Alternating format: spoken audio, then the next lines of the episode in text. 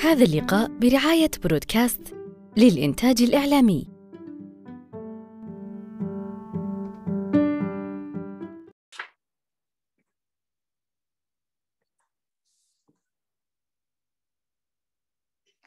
بسم الله الرحمن الرحيم. أهلا وسهلا بكم أصدقاء ضاد في اللقاء رقم 127 من لقاءات صالون ضاد الثقافي. كما عودناكم نحن نلتقي هنا كل يوم أربعاء الساعة التاسعة مساء.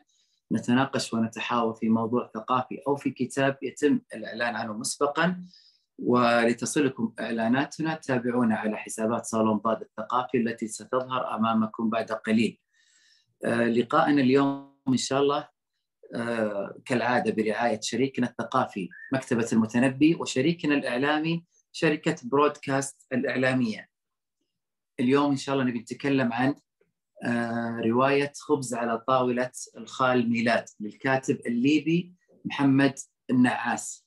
هذه الرواية الفائزة في جائزة بوكر 2022 وبيقدم لنا هذه الرواية اليوم الأستاذة إيناس محمد. حياك الله أستاذة إيناس.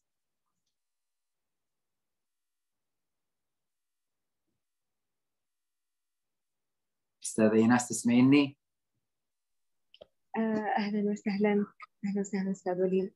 لا بك حياك الله معنا آه، ما قطع عندي شوية هذا اللقاء الثالث لك معنا صح؟ آه، الرابع. الرابع ما شاء الله. أنا قدمت أرحب فيكم الموجودين. أهلا وسهلا. إن شاء الله يكون اللقاء مثري وممتع. أنا قدمت قبل كذا التداول بالفلسفة وقدمت مستمرة سيرة مستمرة. وقدمت كتاب العاقل جميل ليش اخترتي خبز على طاولة الخال ميلاد؟ طبعا آه، هي الرواية رواية مهمة آه، أولا الاسم الاسم كان مرة له آه، له سبب قوي إني أنا يعني تعجبني الرواية وإني أقرأها إني أقتنيها وأقرأها آه، الخال ميلاد هو ذلك الشخص الطيب اللي موجود في كل عائلة آه، الطيب اللي على واللي هو يقدم الخبز للصغار والكبار. آه، كذلك الغلاف لفت نظري اللي يعبر تماما عن شخصية البطل يعني كأنه شخص الشخصية الرئيسية كأنها يعني مرسومة أمامي تماما ما تخيلت أي شخص آخر كأنها صورة فوتوغرافية. ولأنها كذلك تناقش مواضيع حساسة تحتمل النقاش وتحتمل العديد من وجهات النظر.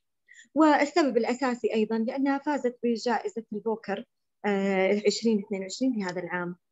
جميل. آه، أنا يمكن أبدأ بآخر سبب أنت قلتيه. يعني آخر سبب هو اللي خلاني أقرأها اللي هو بعد بعد طبعا الكاتب آه، غير معروف بالنسبة لي بعد ما آه، أعلنت الجائزة طبيعي إنه أي أحد مهتم في في الأدب والثقافة بشكل عام وجائزة بوكر لازم يقرأها أقل شيء يعني علشان يقول رأيه فيها.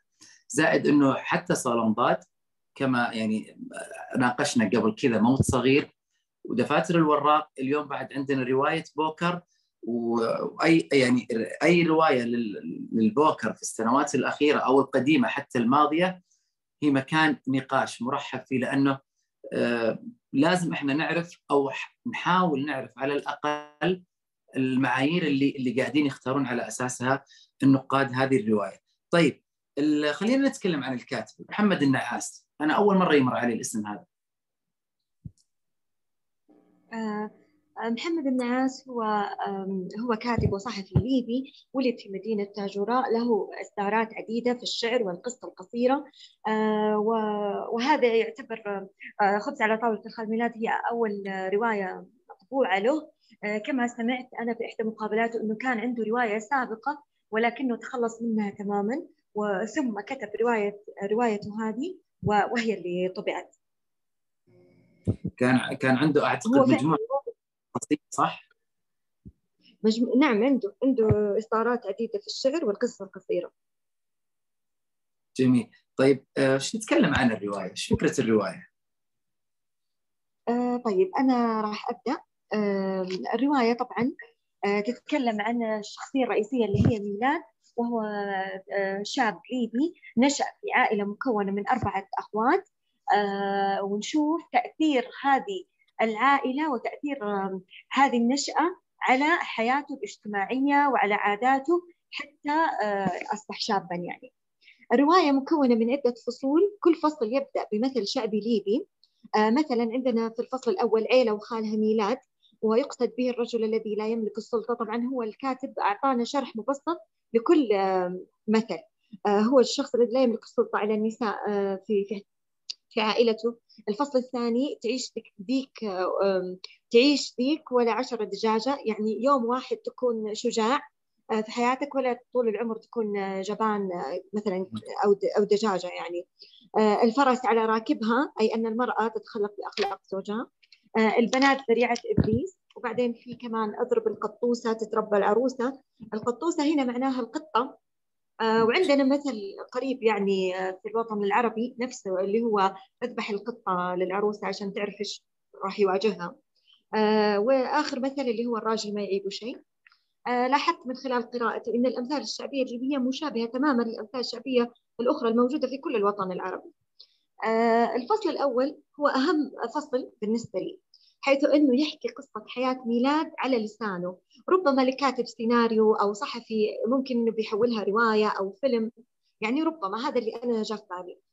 ولد ميلاد في عائلة من مكونة من أربع أخوات، هو أخوهم الوحيد اللي تأثرت عاداته وتصرفاته بسبب تواجده مع أخواته. كان يطيل الجلوس معهم يسرح شعرهم ويظفره وحتى يجلس معهم في جلساتهم الخاصة جدا. مثلا جلسات إزالة الشعر بل حتى يصنع سكر إزالة الشعر بنفسه.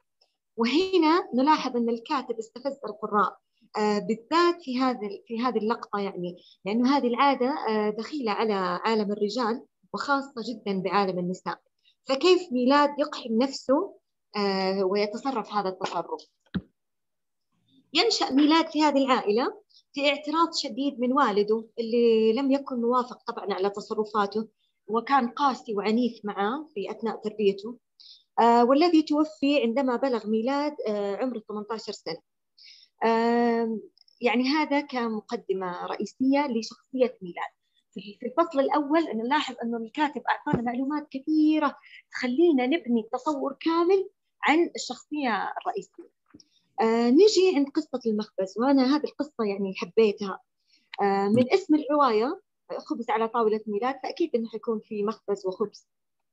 آه فيقول هنا كانت أول رغائف خبزي في السادسة عشرة حيث بدأ بدأت قصة حبي للخبز بعدما أطلعني أبي على أسرار صناعتي التي حفظها عن معلمه الطلياني السنيور لويجي البنطيري.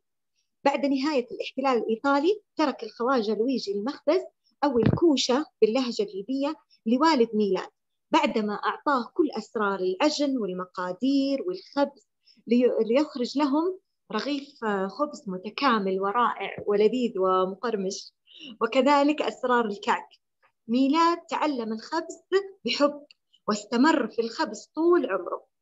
آه هنا اقتباس. هل تعلم ما هو الممتع في صناعة الخبز؟ ماذا؟ لديك أربع مكونات يمكنك أن تصنع بها العجائب. دقيق، ماء، خميرة وبعض الملح. ثم أشار لعقله وأشار ليديه. السر يقع في العقل واليدين ويتبقى مكون أساسي ومكون سري. ما هو ما هو يا ميلاد هذا المكون الأساسي الخامس؟ المكون الأساسي هو الحب. فكان والد ميلاد يصنع الخبز يعجن الخبز ويصنعه بحب. طيب وإيش كمان المكون السادس؟ واللي مهم جدا في عجن الخبز اللي هو الهواء. فالخبز يحتاج ألو... يحتاج الهواء. آه كمان يحتاج آه حتى إنه يتنفس ويختمر. آه إيش المكون التالي والمهم جدا أيضا في صناعة الخبز أو في عجن الخبز؟ آه اللي هو الوقت. الوقت الذي يأخذه العجين بالتفاعل والاختمار حتى يكون جاهز تماما. الجدير بالذكر أنه الكاتب أخذ دورات في الخبز كما سمعت أنه أخذ دورات في العجن والخبز وتعرف على كل الخطوات آه وتعرف كل المقادير آه وهذا الشيء وهذا الشيء يعني أنا احترمته جدا في الكاتب إنه احترم عقلية القراء وما جاي يتكلم في في مهارة هو مو عارف عنها شيء بالعكس هو جرب هذه المهارة وكتب عنها عن تجربة. آه نجي لرمزية الخبز في الرواية. جميل. آه رمزية أيوه. تفضلي كملي. أنا كنت بسألك عن الرمزية بما انه الأستاذ نزار تكلم عن الوقت. تفضلي.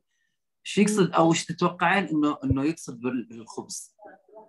آه أنا ماني عارفة إيش هو السؤال حق أستاذ مي- آه، لا لا. ما في سؤال بس هو يتكلم عن الوقت ويبدو لي إنه فعلا يعني آه، في. في يعني, يعني أنا أنا وأنت تتكلمين عن ال عن ال عن طريقة تحضير الخبز جاء في بالي موضوع ثاني. فما أدري هو نفس ال- ال- ال- ال- اللي في بالك أو لا. تفضلي آم، الآن هو تكلم عن مقادير صنع الخبز ال- آه، عجن العجينة الخبز الناجحة اللي تعطيني آه، رغيف الخبز المتكامل اللي أنا أبغاه يعني. آه، طيب نرجع لرمزية الخبز في الرواية. رمزية العجين هنا ربما هو كان يقصد المجتمع. فنحن نعجن المجتمع نضع المقادير من العادات والتقاليد والأخلاق والمبادئ ونعجنها كلها للحصول. على رغيف رغيف الخبز المثالي أو المجتمع المثالي أو ربما نعجن الطفل نربي هذا الطفل على أسس ومبادئ وعادات وتقاليد حتى إنه لما ينضج هذا الطفل يكون هو الطفل المنتظر رغيف الخبز الرائع اللي إحنا ننتظره وربما كمان يقصد بعجن الزوجة. عجن لا، أنا- لا. لحظة آه آه، معليش بقاطعك إيناس. لا ما أتوقع إنه عجن الزوجة لأنه إلى الآن هو ما تزوج. فيبدو لي إنه بال- بال- بالرأي الثاني اللي هو في الاطفال وتربية الأطفال وزي ما قالت الأخت همس إنه ال- ال- أعتقد إن الجميع أراد أن يشكل العجينة كيفما يشاء. هم الأطفال كالعجينة علشان كذا هو كرر يا نزار من وجهة نظري أنا هو كرر كلمة الوقت الوقت الوقت والحب والحب والحب. إن الموضوع فيه حب وفيه وقت علشان تصير عملية التربية. فكان أنا من وجهة نظري يرمز إلى الخبز والعجين وال وال والدقيق والوقت والعقل والحب كلها تربية الأطفال. لأنه في الأخير هو قاعد يتكلم عن آه، ميلاد اللي نشأ في بيئة واصطدم في بيئة ثانية في قرية ومدينة ورحلته إلى تونس والأشياء اللي صارت له والبيئة اللي كل كل اللي حوالينه بنات وأبوه اللي كان دائما مثلا شديد معاه انه إنه يعني يضربه وكذا. فهو كان يتكلم يبدو لي أنا من وجهة نظري إنه من من زاوية التربية. تفضلي. صحيح صحيح. هو في البداية آه، عن رمزية اللي هو آه، تربية الأطفال. تربية الأطفال محتاجة إلى وقت. محتاجة إلى حب والكثير من الحب ومحتاجة كثير من الوقت. الطفل يعني ياخذ وقته لين ما يصير 15 20 سنة. بعدين أنا أشوف نتيجة آه، اللي هو تربيتي ونتيجة الخبز هذا اللي أنا عجنته. وأبغى خبز آه، رغيف الخبز الكامل. آه، خليني أكمل بس فكرتي إنه أنا ربما صح فعلا إنه هذا كله في وقت وقت ما هو في نشأته. لكن ربما الكاتب كمان بعد شوية راح يتكلم عنه لما يكون متزوج. فربما أنا قلت يمكن إنه كل شخص آه، بعض الأشخاص يبغوا زوجتهم عجينة طرية في يدهم يشكلوها كما يحنو لهم يعني. آه، يعني وهذه مجرد فكرة. آه، العجل- على فكرة هذا مو هذا مو موجود في المجتمع الليبي فقط خلونا نكون واقعيين. في أغلب الم... حتى ما نبقى إلى المجتمع العربي لكن في أغلب المجتمع المجتمعات الذكورية خلينا نقول يعني آه،. كوصف أدق إنه الأغلب المجتمعات هي موجودة فيها هذه الفكرة. صحيح صحيح. أنا حتى أنا وأنا أتكلم أقول آه، في الوطن العربي أو في المجتمعات العربية لأنه أنا حسيت إنه ال- الرواية لا تلامس قرية معينة ولا تلامس دولة معينة وإنما تلامس ال- الوطن العربي ككل. آه، العجن والخبز ليس معلومات عشوائية وضعت للحشو في الرواية. بل فيها رمزية قوية آه، لن يلتقطها كل القراء. آه، في الفصل الأول آه، ذكرت كل هذه المعلومات التي تعطيني مقدمة شاملة عن شخصية ميلاد والتي سنقرأها هذه الشخصية حتى آخر صفحة. نلاحظ أن الرواية كانت أحادية السرد. كان ميلاد هو اللي يحكي الرواية كلها. حتى الحوارات اللي دارت بينه وبين الآخرين جاءت على لسانه هو. كأنه هو ميلاد جالس يسرد لنا قصة حياته على شكل فضفضة. آه، لم يكن هناك حوارات مثل الروايات الأخرى ولم يكن هناك تعدد أصوات. الرواية كانت أحادية الصوت. آه، كذلك ذكر في الفصل الأول يوم من أيام حياته مع زوجته لما يتزوج طبعا.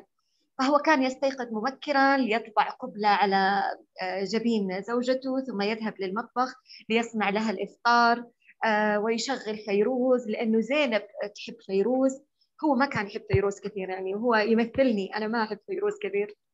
آه، يصنع لها القهوة ثم يكوي ملابسها ويجهزها لها وكذلك يرتب أوراقها الخاصة بالعمل فهي تغضب لو وجدت أوراقها غير مرتبة.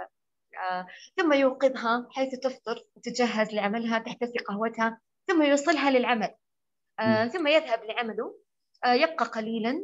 يقضي بعد يوقع ويقضي بعد المشاوير.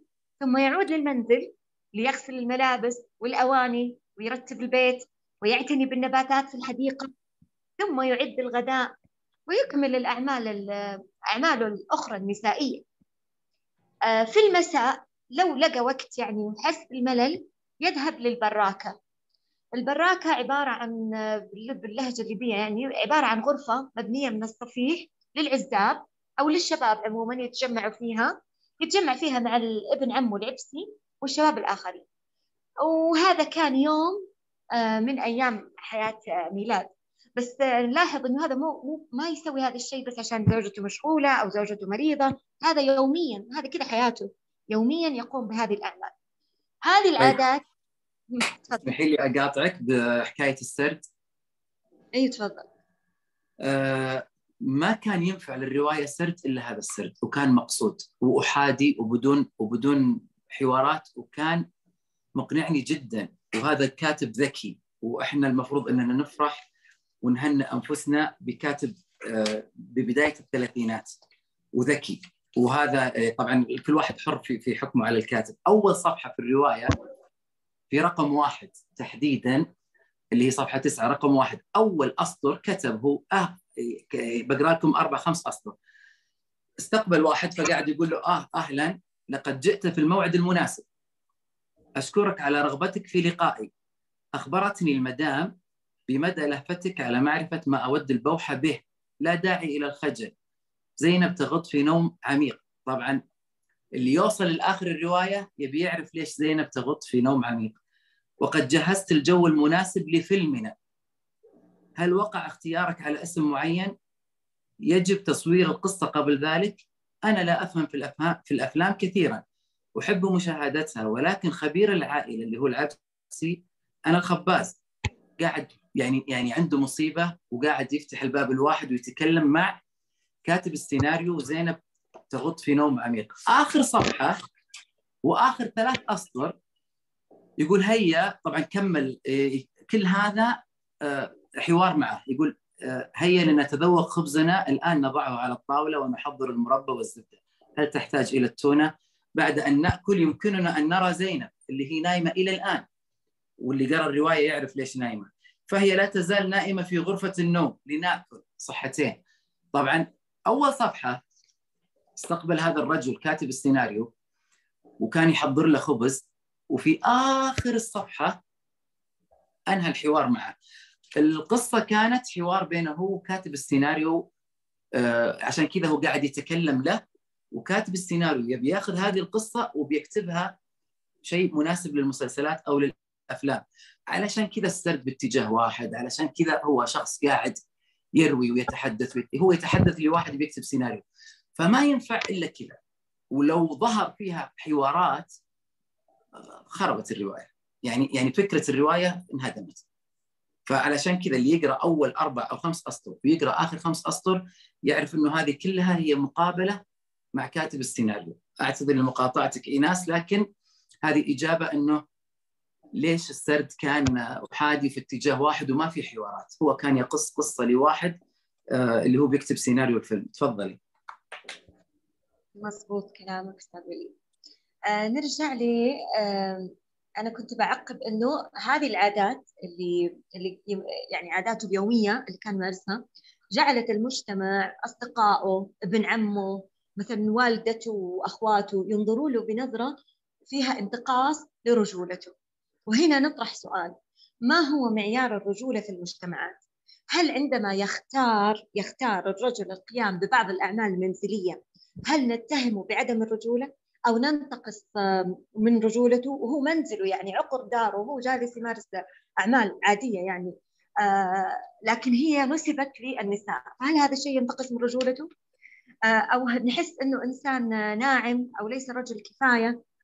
نحتاج نعرف معايير الرجولة الصراحة. بالطبع في العديد من المجتمعات تم برمجة الرجل على أعمال خاصة بالرجال وبرمجة النساء على أعمال خاصة بالنساء. وبعض النساء والأمهات هم السبب هم اللي اللي زرعوا هذه الأفكار في عقول أبنائهم وبناتهم. آه هذا الشيء ذكر الدكتور محمد طه في كتاب قيم جدا اسمه ذكر شرقي منقرض. علمنا تماما جذور الذكورية وكيف نشأت وكيف انتشرت وكيف مستمرة إلى الآن. يعني مثلا هي زينب آه ترتدي ثيابها وتذهب لعملها عملها في الصحافة. فهل ذهابها للعمل آه تقوم بأعمال الرجال. هل هذا ينتقص من أنوثتنا؟ من أنوثتها؟ آه يعني لابد إنه نرجع نصيغ معايير الأنوثة والرجولة في المجتمع. هذا الكتاب زي ما لاحظنا عن ايناس بعد إذنك ايناس هذا الكتاب وفعلا هذا الكتاب ينصح فيه اللي هو ذكر آه شرقي منقرض. وعلى فكرة آه وأنا أعترف بهذا الشيء إنه الكلام صحيح واللي في الرواية صحيح جدا. كلنا إحنا كرجال نعيب على أنفسنا إذا الواحد قال أنا قاعد أسوي وقاعد وكلنا نقول خيركم خيركم لنسائه وكلنا قدوتنا محمد صلى الله عليه وسلم وكلنا ما, ما نسوي زيه فميلاد ووجوده بين نارين اللي هو وده يسوي شيء وما يقدر لأن العبسي قاعد يأثر عليه آه، لا يلام المنحى اللي اتجاه في نهاية الرواية. معلي بقاطعك كثير يا إيناس تحملي. عادي خذ راحتك. المداخلات راح أدخل الآن في المداخلات بعد عشر دقائق إذا في مداخلات راح نبدأ ناخذ المداخلات سواء الكتابية أو الصوتية بعد عشر دقائق بالضبط. تفضلي ايناس آه طيب راح أدخل على الفصل الثاني. وهو كان محاولة لإكتاب ميلاد بعض الرجولة حيث استدعي للتجنيد الإجباري. طبعا لم يستطع التنصل من الجيش حيث الجيش طبعا تعرض لمواقف عديدة قاسية ومحرجة وعنيفة. آه، أعتقد أن أول سبب في ذلك هو مظهره الخارجي لأنه جسده ضعيف ويعني كان شكله ناعم. آه، مثل الصورة اللي موجودة على الغلاف تماما. آه، عيونه ذبلانة فيها طيبة فيها استسلام. فبسبب هذه الميزات كلها انحط في مواقف محرجة ومحزنة في الجيش بسبب شكله يعني ونعومته الزايدة. وكان هذا المكان لا يناسبه أبدا وقد حاول الهرب أكثر من مرة في آه، في فصل الجيش أو في فصل التجنيد.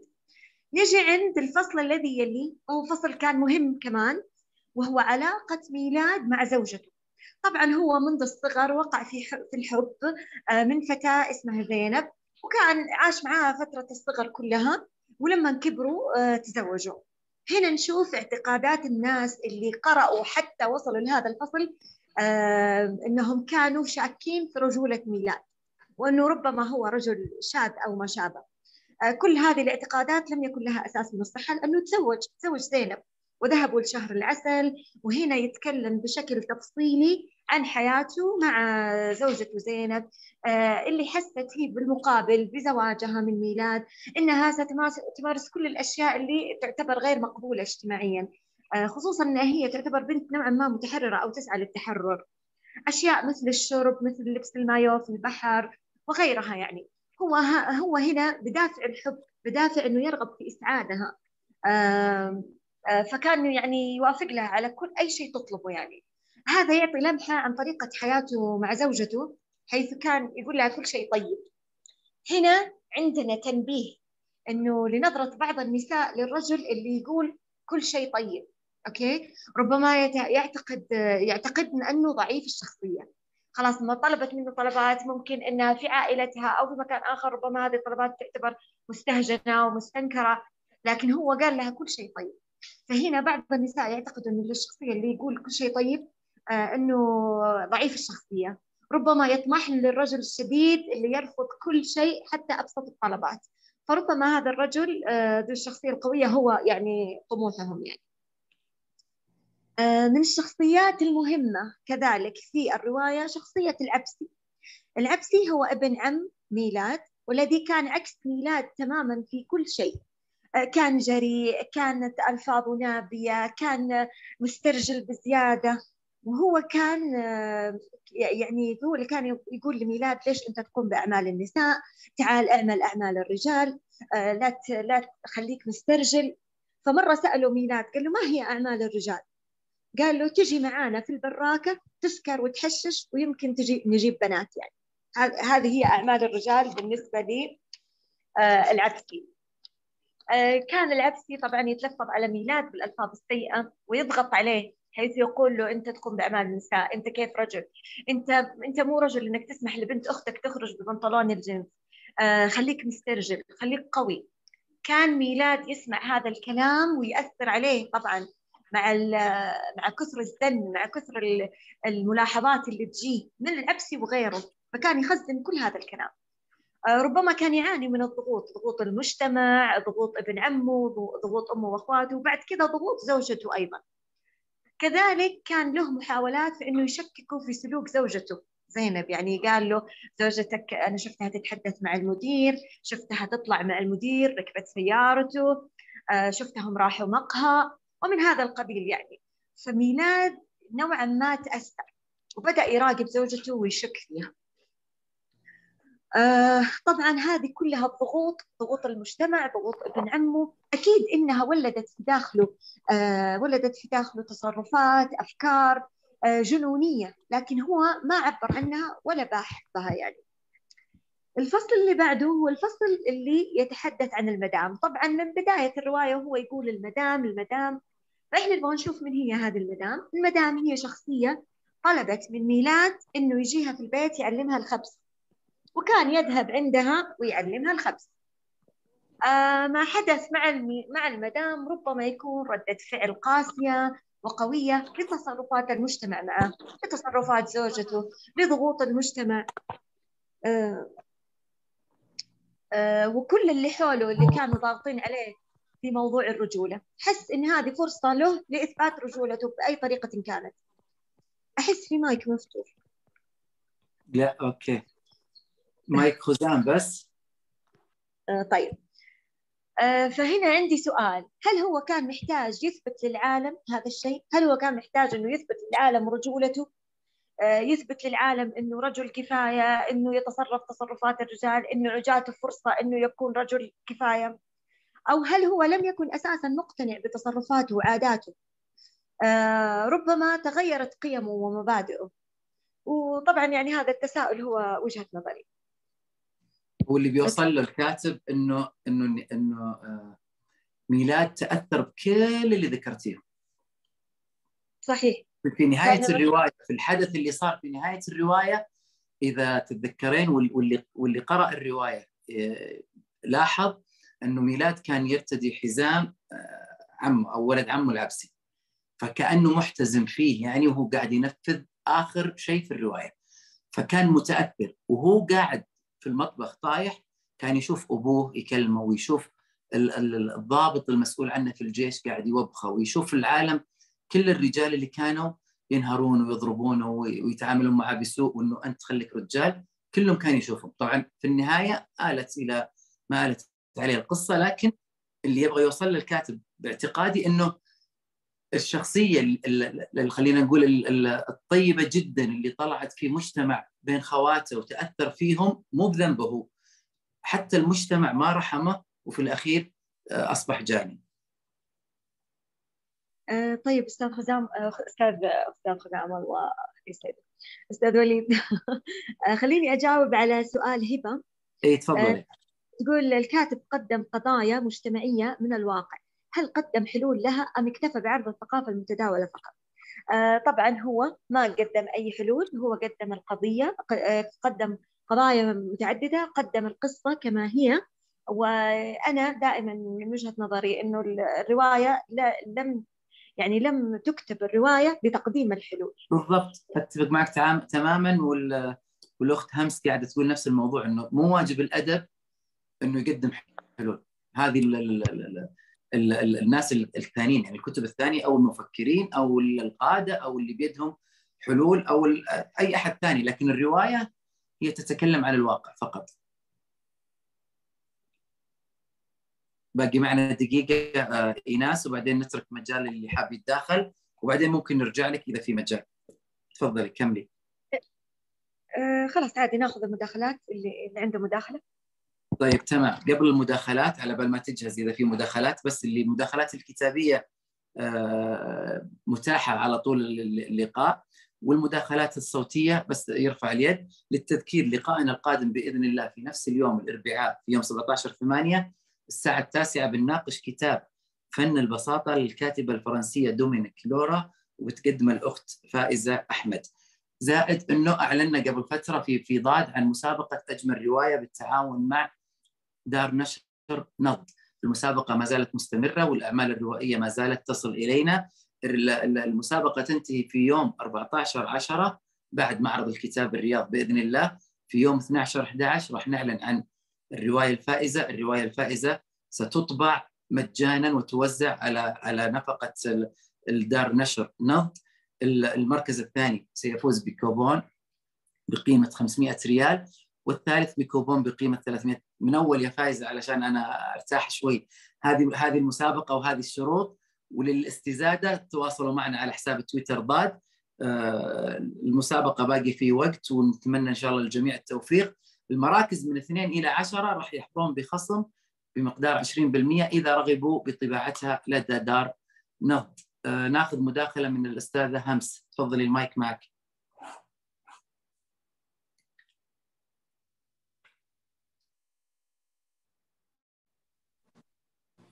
السلام عليكم.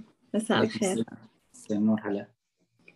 آه، مساء الخير والسرور آه، مساء دافئ كرائحة الخبز اللذيذة فجرا. ومساء الأنس والإناس. الصديقة الشغوفة دائما بالكتب والقراءة. آه، إناس التي تكاد ترى عينها تتلألأ والفرح يملأ صوتها عندما تحدثك عن الكتب. مساء الضاد فخرنا العربي. خبز الخال ميلاد. رواية كما تقول صديقة ليست للجميع. هي رواية تحتاج قدر كبير من الوعي لقراءتها ولتقبلها أصلا. حقيقة أولا سعدت جدا بفوزها بالجائزة رغم أمنياتي التي كانت تدعم رواية دلشاد لكنها رواية تستحق الفوز. والمدهش بأنها أول رواية تصدر آه، للكاتب في عمر صغير وتكون بكل هذا الاختلاف وكل هذا التصادم مع المجتمع. آه، بما إنه كتب هذه الرواية وقت الحظر الصحي لازمه كورونا فشكرا والله لها على غير العادة يعني لكورونا آه، عائلة وخالها ميلاد هي المقولة الشعبية المنتشرة بين الليبيين ويعيرون بها الرجل الذي لا يملك سلطة على النساء التي تتبعنه. آه يعني هو قدح أصلا في أخلاق النساء أنفسهن. بدأ الرواية من هذه المقولة الشعبية برأيي أنه ذكي جدا فهي تدفعك أنك أنت تكمل الرواية. لو مو حابب يعني كنت شخص قارئ فمن باب الفضول ستكمل القراءة. آه هي رواية وقعت في صلب التساؤلات الثقافية الكونية حول قضايا الجندر.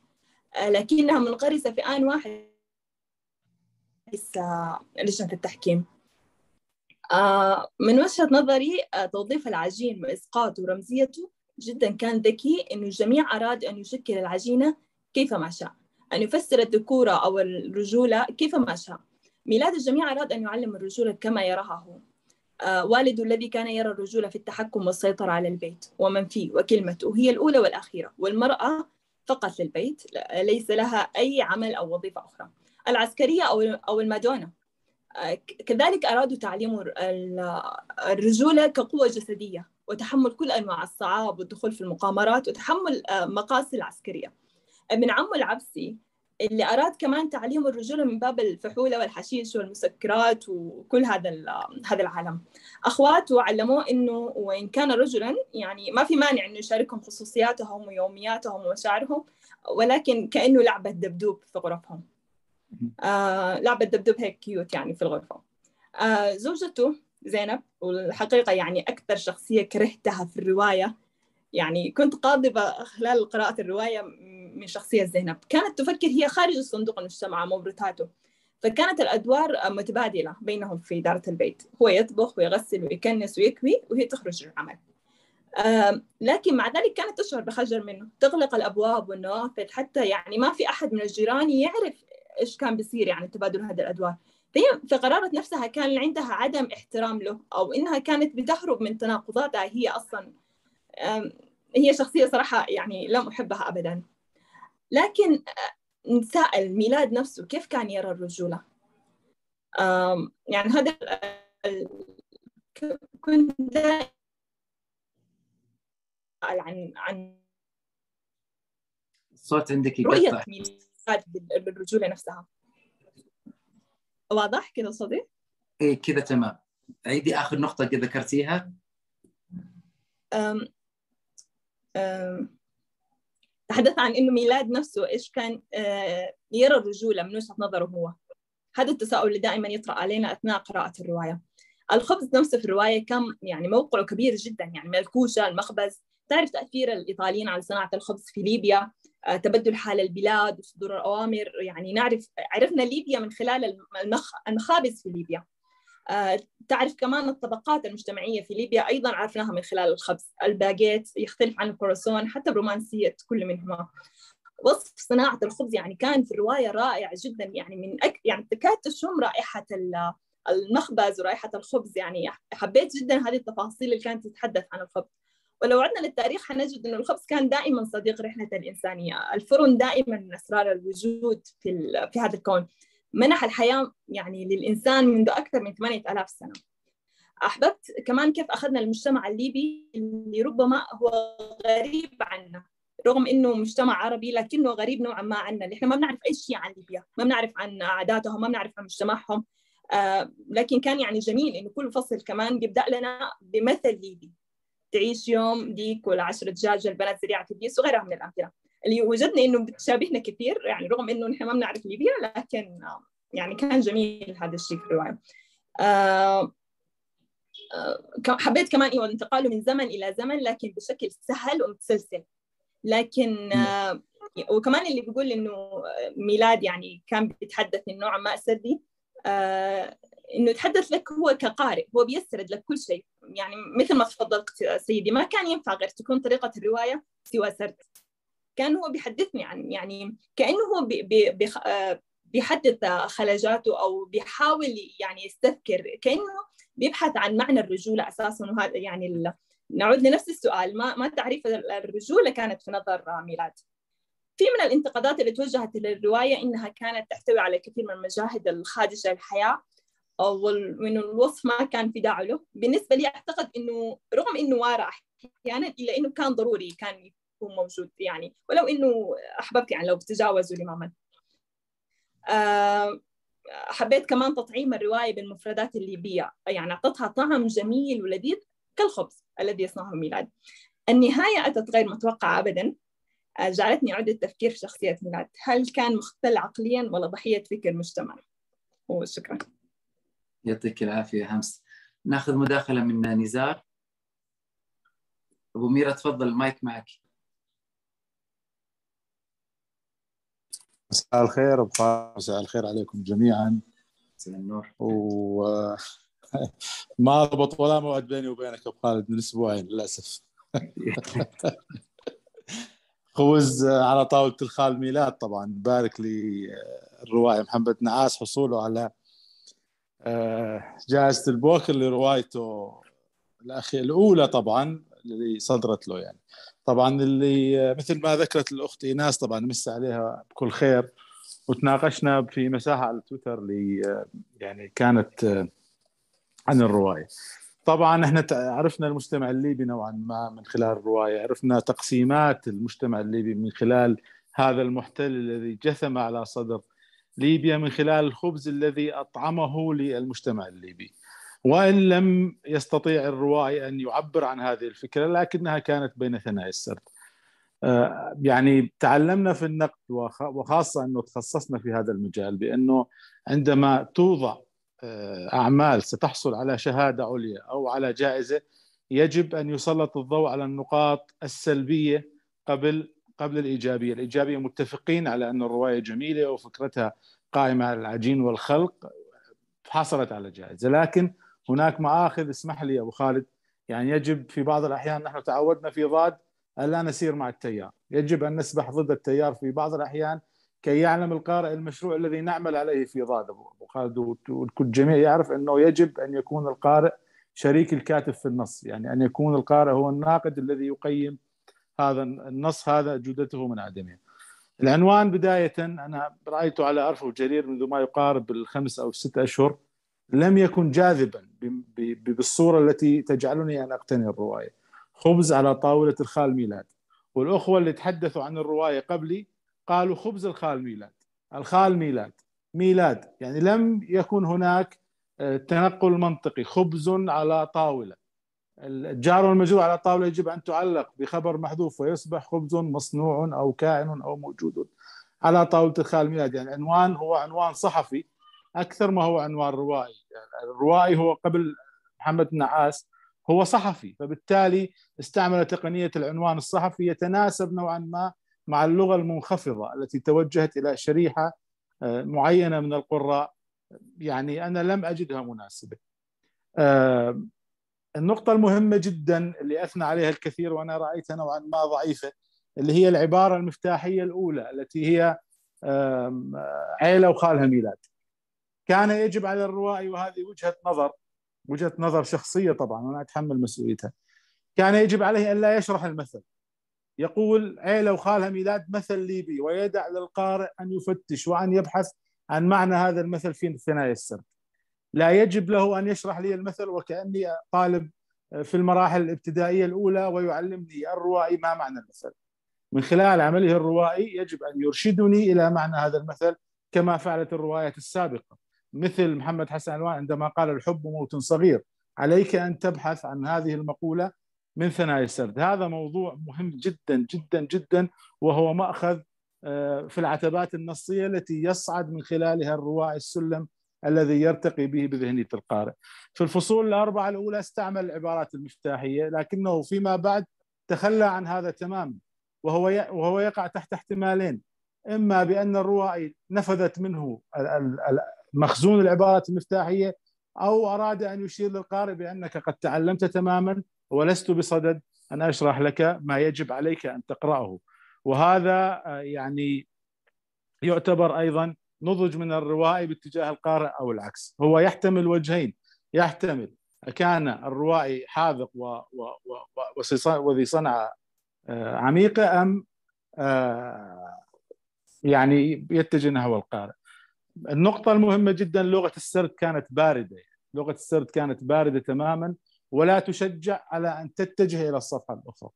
يعني هذا أنا أنا لمسته تقريبا. قد يكون القارئ العادي كما نصر ونشدد قد تماهى مع السرد. هذا وجهة نظر. آه، هناك ما يسمى بالشفرات النصية التي ألقاها كثيرا محمد النعاس في الرواية وبخاصة عم زينب عم زوجته الذي كان يشابه ميلاد إلى حد ما عندما آه، مات وهو في شقته معزولا لأنه كان فنانا ينسج اللوحات الفنية بألوانه المختلفة تماما كميلاد الذي يصنع الخبز ويطعم به كل من يحيطه ولا يستطيع أن يتكلم مع أحد. اللوحة التي وجدت لشخص يتصف يتصف بأنه شاذ أو مخنث أو ما إلى ذلك وعذرا على اللفظ كان يستطيع محمد النعاس أن يفجر السرد من خلالها. يعني أنا أستذكر هذا المشهد أستطيع أن أقول لك ارتجالا. آه، أتأمل ذاك الوجه مثلا الماثل أمامي. أنا حقا أتحسس وجهي أجدني مسجونا كما اللوحة في الداخل بحجة الفن وكذلك بطريقة الحياة التي تدقني بين سندانها والعجين. هل يعقل أن تخرج الألوان لتخنقني بحجة الجمال الصامت؟ مثلا على أقول لك يعني. بحجة الجمال الصامت المبتعد عن تجرد الحياة وشكلانيتها. أيضا هناك نقطة مهمة جدا اللي هي الأفلام المهربة التي كانت تأتي من تونس. هذا التلخيص للواقع السياسي الذي كان سائدا بين النظام التونسي السابق والنظام الليبي السابق. يعني محمد النعاس كان يقدم رجلا ويعيد الأخرى. يعني لم أجده يتجه إلى الفكرة التي كانت موجودة مسبقا. هو هو قاص والقاص يعتمد على التكثيف وعلى اختيار عبارات منمقة. يعني هو يضع الفكرة أمامك ويختلق لك سردا يلف ويدور أمامه لكي يوصلك إلى إلى فكرة قد تستطيع التجاوز تتجاوز السرد وتقرأها. لا أريد أن أطيل. يعني الشخصية كانت قريبة من القارئ، الفكرة كانت بالمجمل مميزة جدا التي تعتمد على العجين، هو كان عجينه بيد المجتمع وكان هو بالمقابل يعجن الغذاء لهذا المجتمع.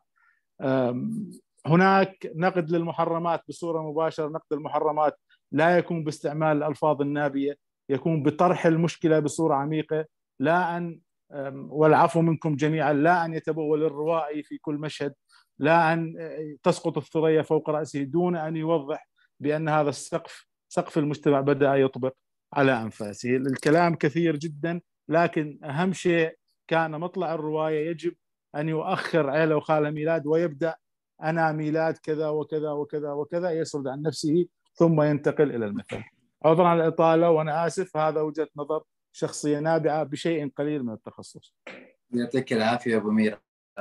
إيناس سؤال من ساجدة آه، هل الآباء هل للآباء أو لأن الآباء لهم معرفة بالحياة أكثر من الأبناء هذا يعطيهم حق باختيار الطريقة لإتمام الأمر وانه الطفل يمضي فيها هل هذا الشيء يترك لهم مبرر؟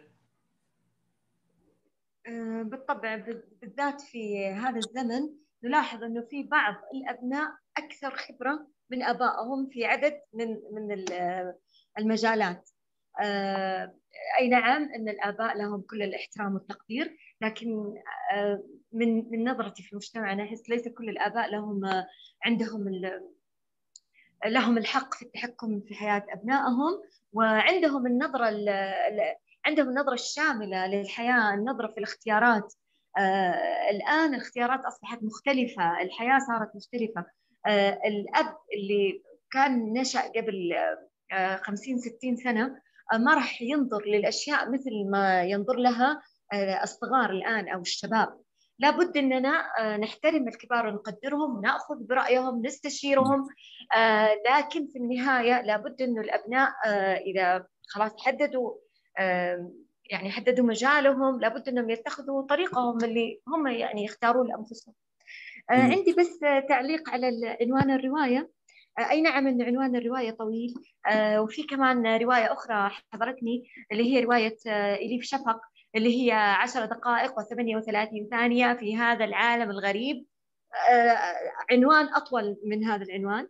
آه ربما يكون العنوان الطويل نقد على على الروايات لكن هذا ما يعني إنه أنا أترك الرواية عشان اسمها لابد إني آه، أقرأ رواية عشان أشوف جمالها مدى جمالها ويعني ويبدو لي مو عشان طويل لا لا يبدو لي بعد أنا وجهة نظري إنه ما في شرط إنه لتكون رواية يجب أن تحتوي على كذا حرف. يجب أن تكون ولا كان البوكر عيب عليه يخلي رواية زي كذا ولا في أي أي راوي بيكتب بهذا الطول. فهي وجهة نظر إنه العنوان إذا كان أقصر يكون ألطف ويحفظ بسرعة بس.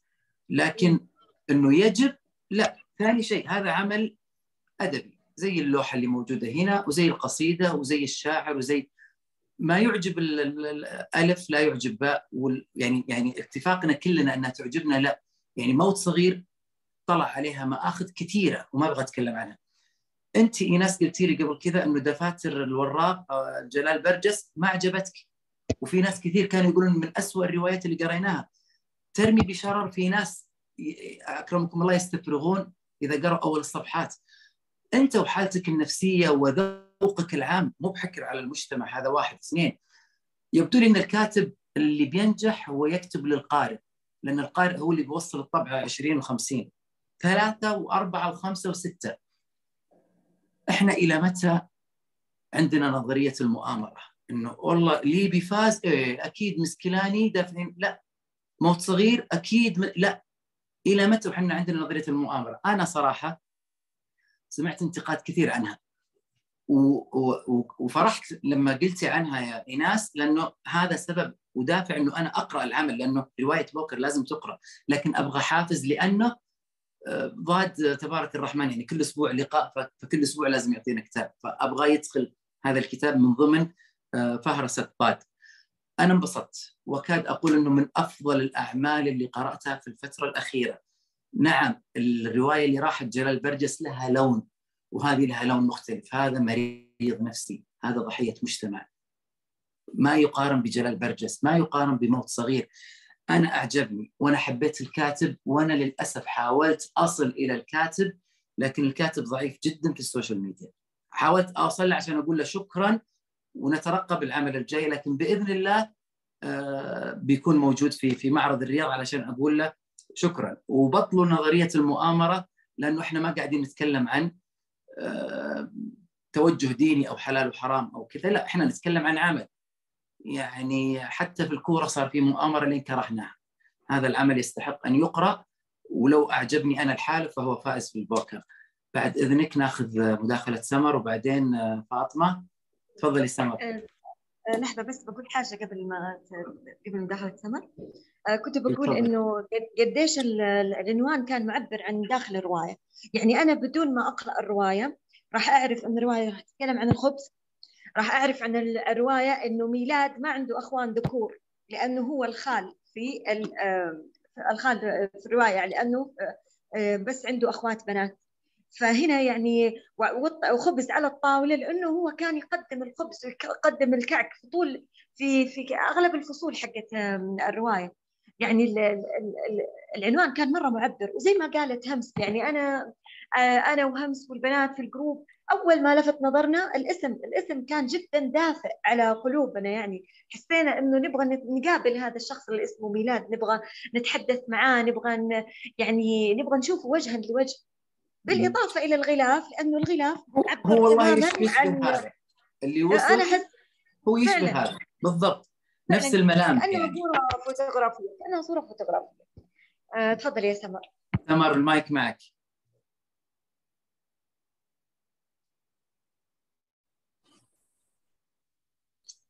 ألو؟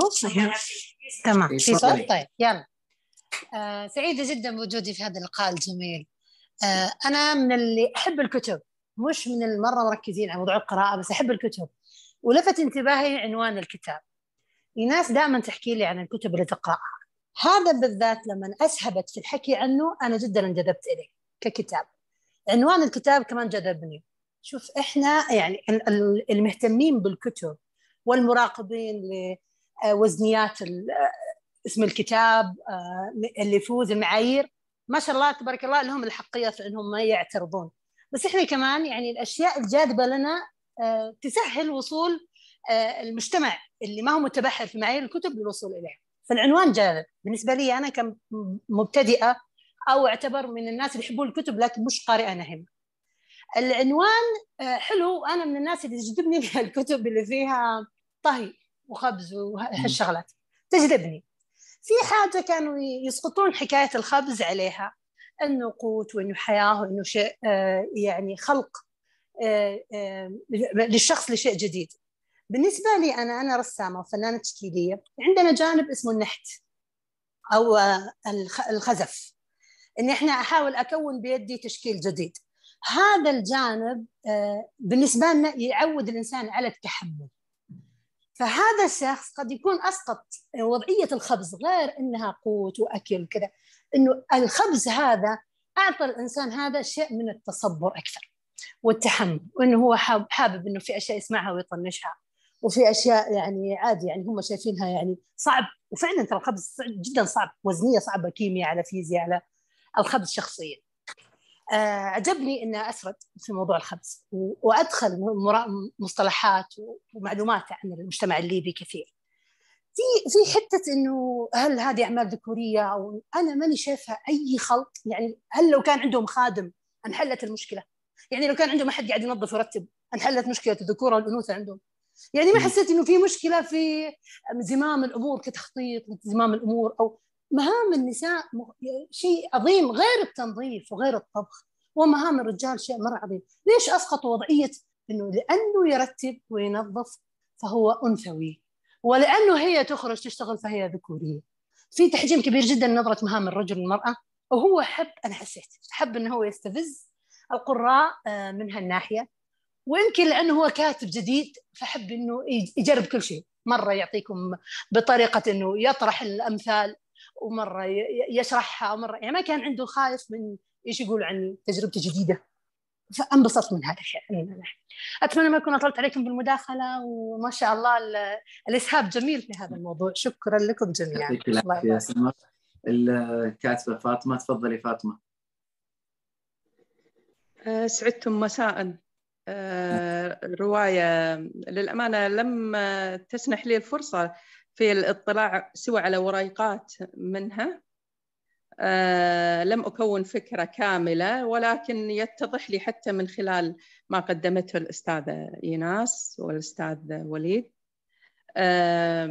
أولا عنوانها آه، خبز على طاولة ميلاد. آه، تبادر إلى ذهني مباشرة أنها قهوة على طاولة ميلاد.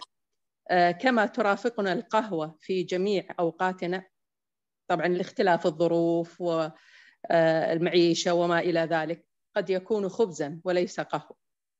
آه، سمعت من أحد الأدباء في أحد الملتقيات يقول أنه أخذ دورة قبل كتابة هذا الكتاب في آه، صناعة الخبز. لذلك وصفه وصف دقيق في هذا الكتاب واستلذ بجميع حيثياته كما نستلذ نحن في إعداد القهوة. آه، أنا قرأت العنوان وبحثت عنه لقيت أنه من العنوان فهمت القصة.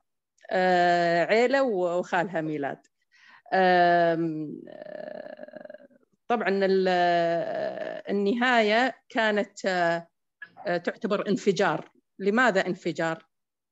هناك شخصية من الناس تكون نوعا ما مسالمة تمشي بالتكويك هذا يكوكها على هذا الشيء فتمشي عليه هذا يكوكها على هذه الفكرة فتمشي عليها فكان يبي يعرف إيش هو الذكورة أو الرجولة اللي ذبحوه الناس فيها يعني اللي كل ما عسى طلع إنه قالوا له أنت والله علشان خواتك بنات أنت معدوم الرجولة.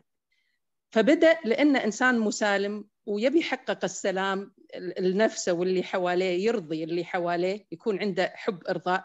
فبدأ يقلد مبادئ الرجولة من خلال أقوال الناس. هذا النوع من الناس لا يستطيع أن يكون فكرة من خلال تجاربه. فبالتالي يبقى تحت إطار التجربة.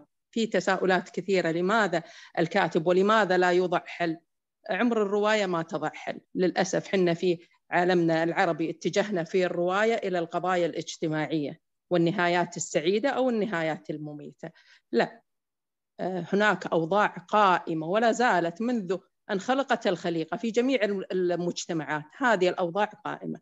آه، حب آه، النعاس أنه يوجه الضوء على بعض من طبقات المجتمع على مشكلة قائمة جدا. يعني هذه يعني حتى في ناس ليبيين قالوا فعلا هذه قمة العقدة عندنا في المجتمع آه، آه، عيلة وخالها ميلاد. هذه هذه تعتبر عقدة عندنا اللي هي الذكورة والأنوثة. فلو كان آه، ميلاد أو البطل كون صورة عن الرجولة ما كان تصرف التصرف في النهاية.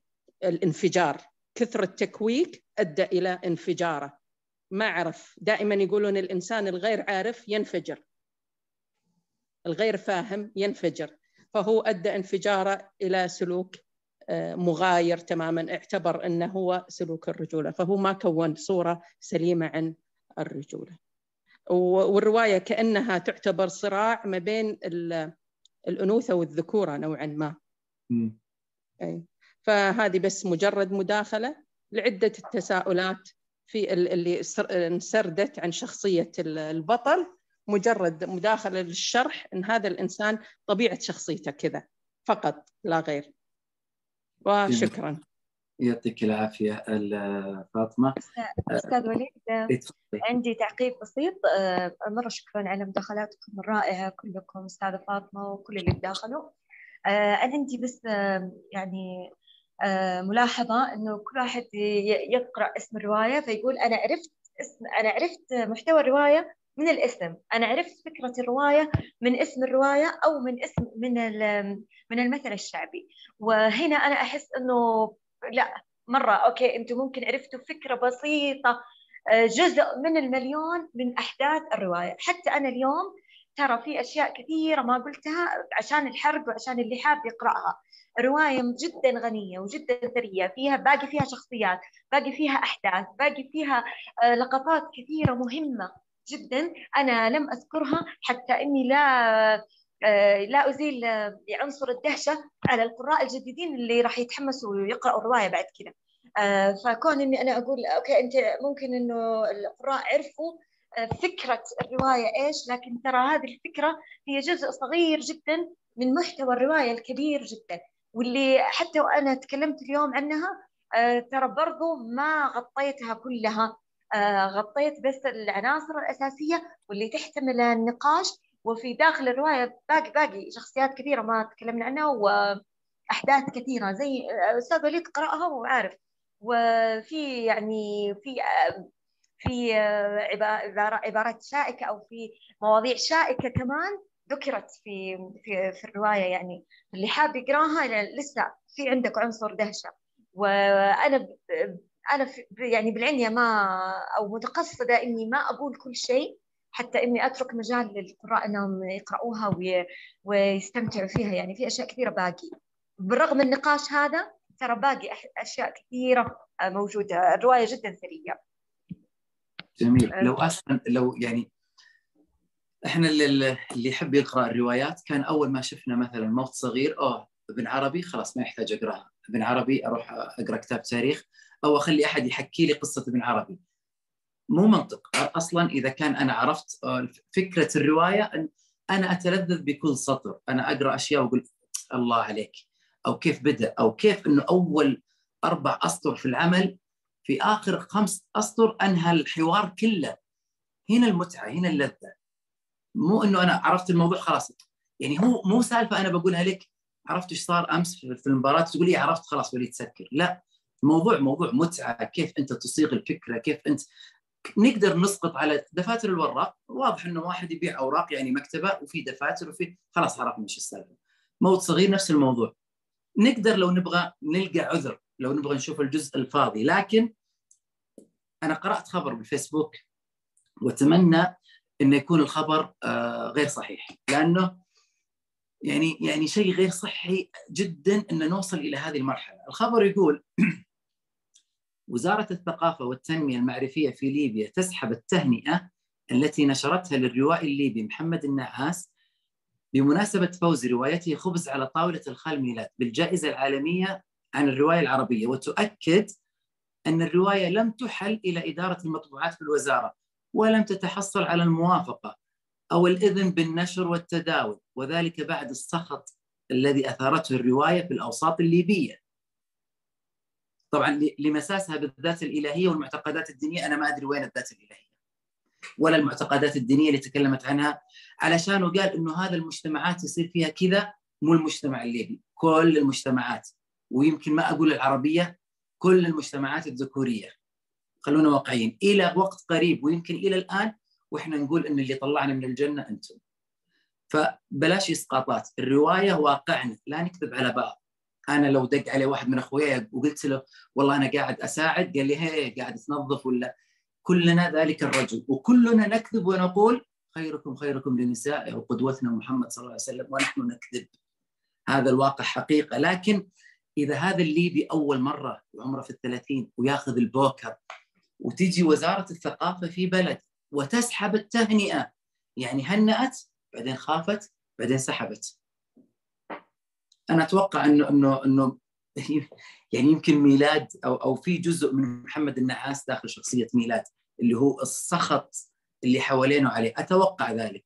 أنا آه، هنا انتهيت من الرواية. الموضوع عندك استاذه إيناس. دوبك كنت آه، أنا أنا كمان انتهيت تقريبا. آه، مرة شاكرة آه، صالون باد لإتاحتهم الفرصة لي دائما. إني أنا أعبر عن الروايات والكتب اللي أحبها. ولن تكون المشاركة الرابعة والأخيرة إن شاء الله إن شاء الله. بس أنت أنت ذكرت شيء أنا كنت أبغى أتكلم عنه والله. راحت الفكرة مني. إن شاء الله أكتبها في تويتر. طيب أوكي. يعطيك العافية ما قصرتي. شكرا لك إيناس باذن الله لنا لقاءات أكثر وأكثر مع بعض. ضيوف ضاد شكرا لكم. نراكم إن شاء الله في الأسبوع القادم. ليله سعيدة وتصبحون على خير.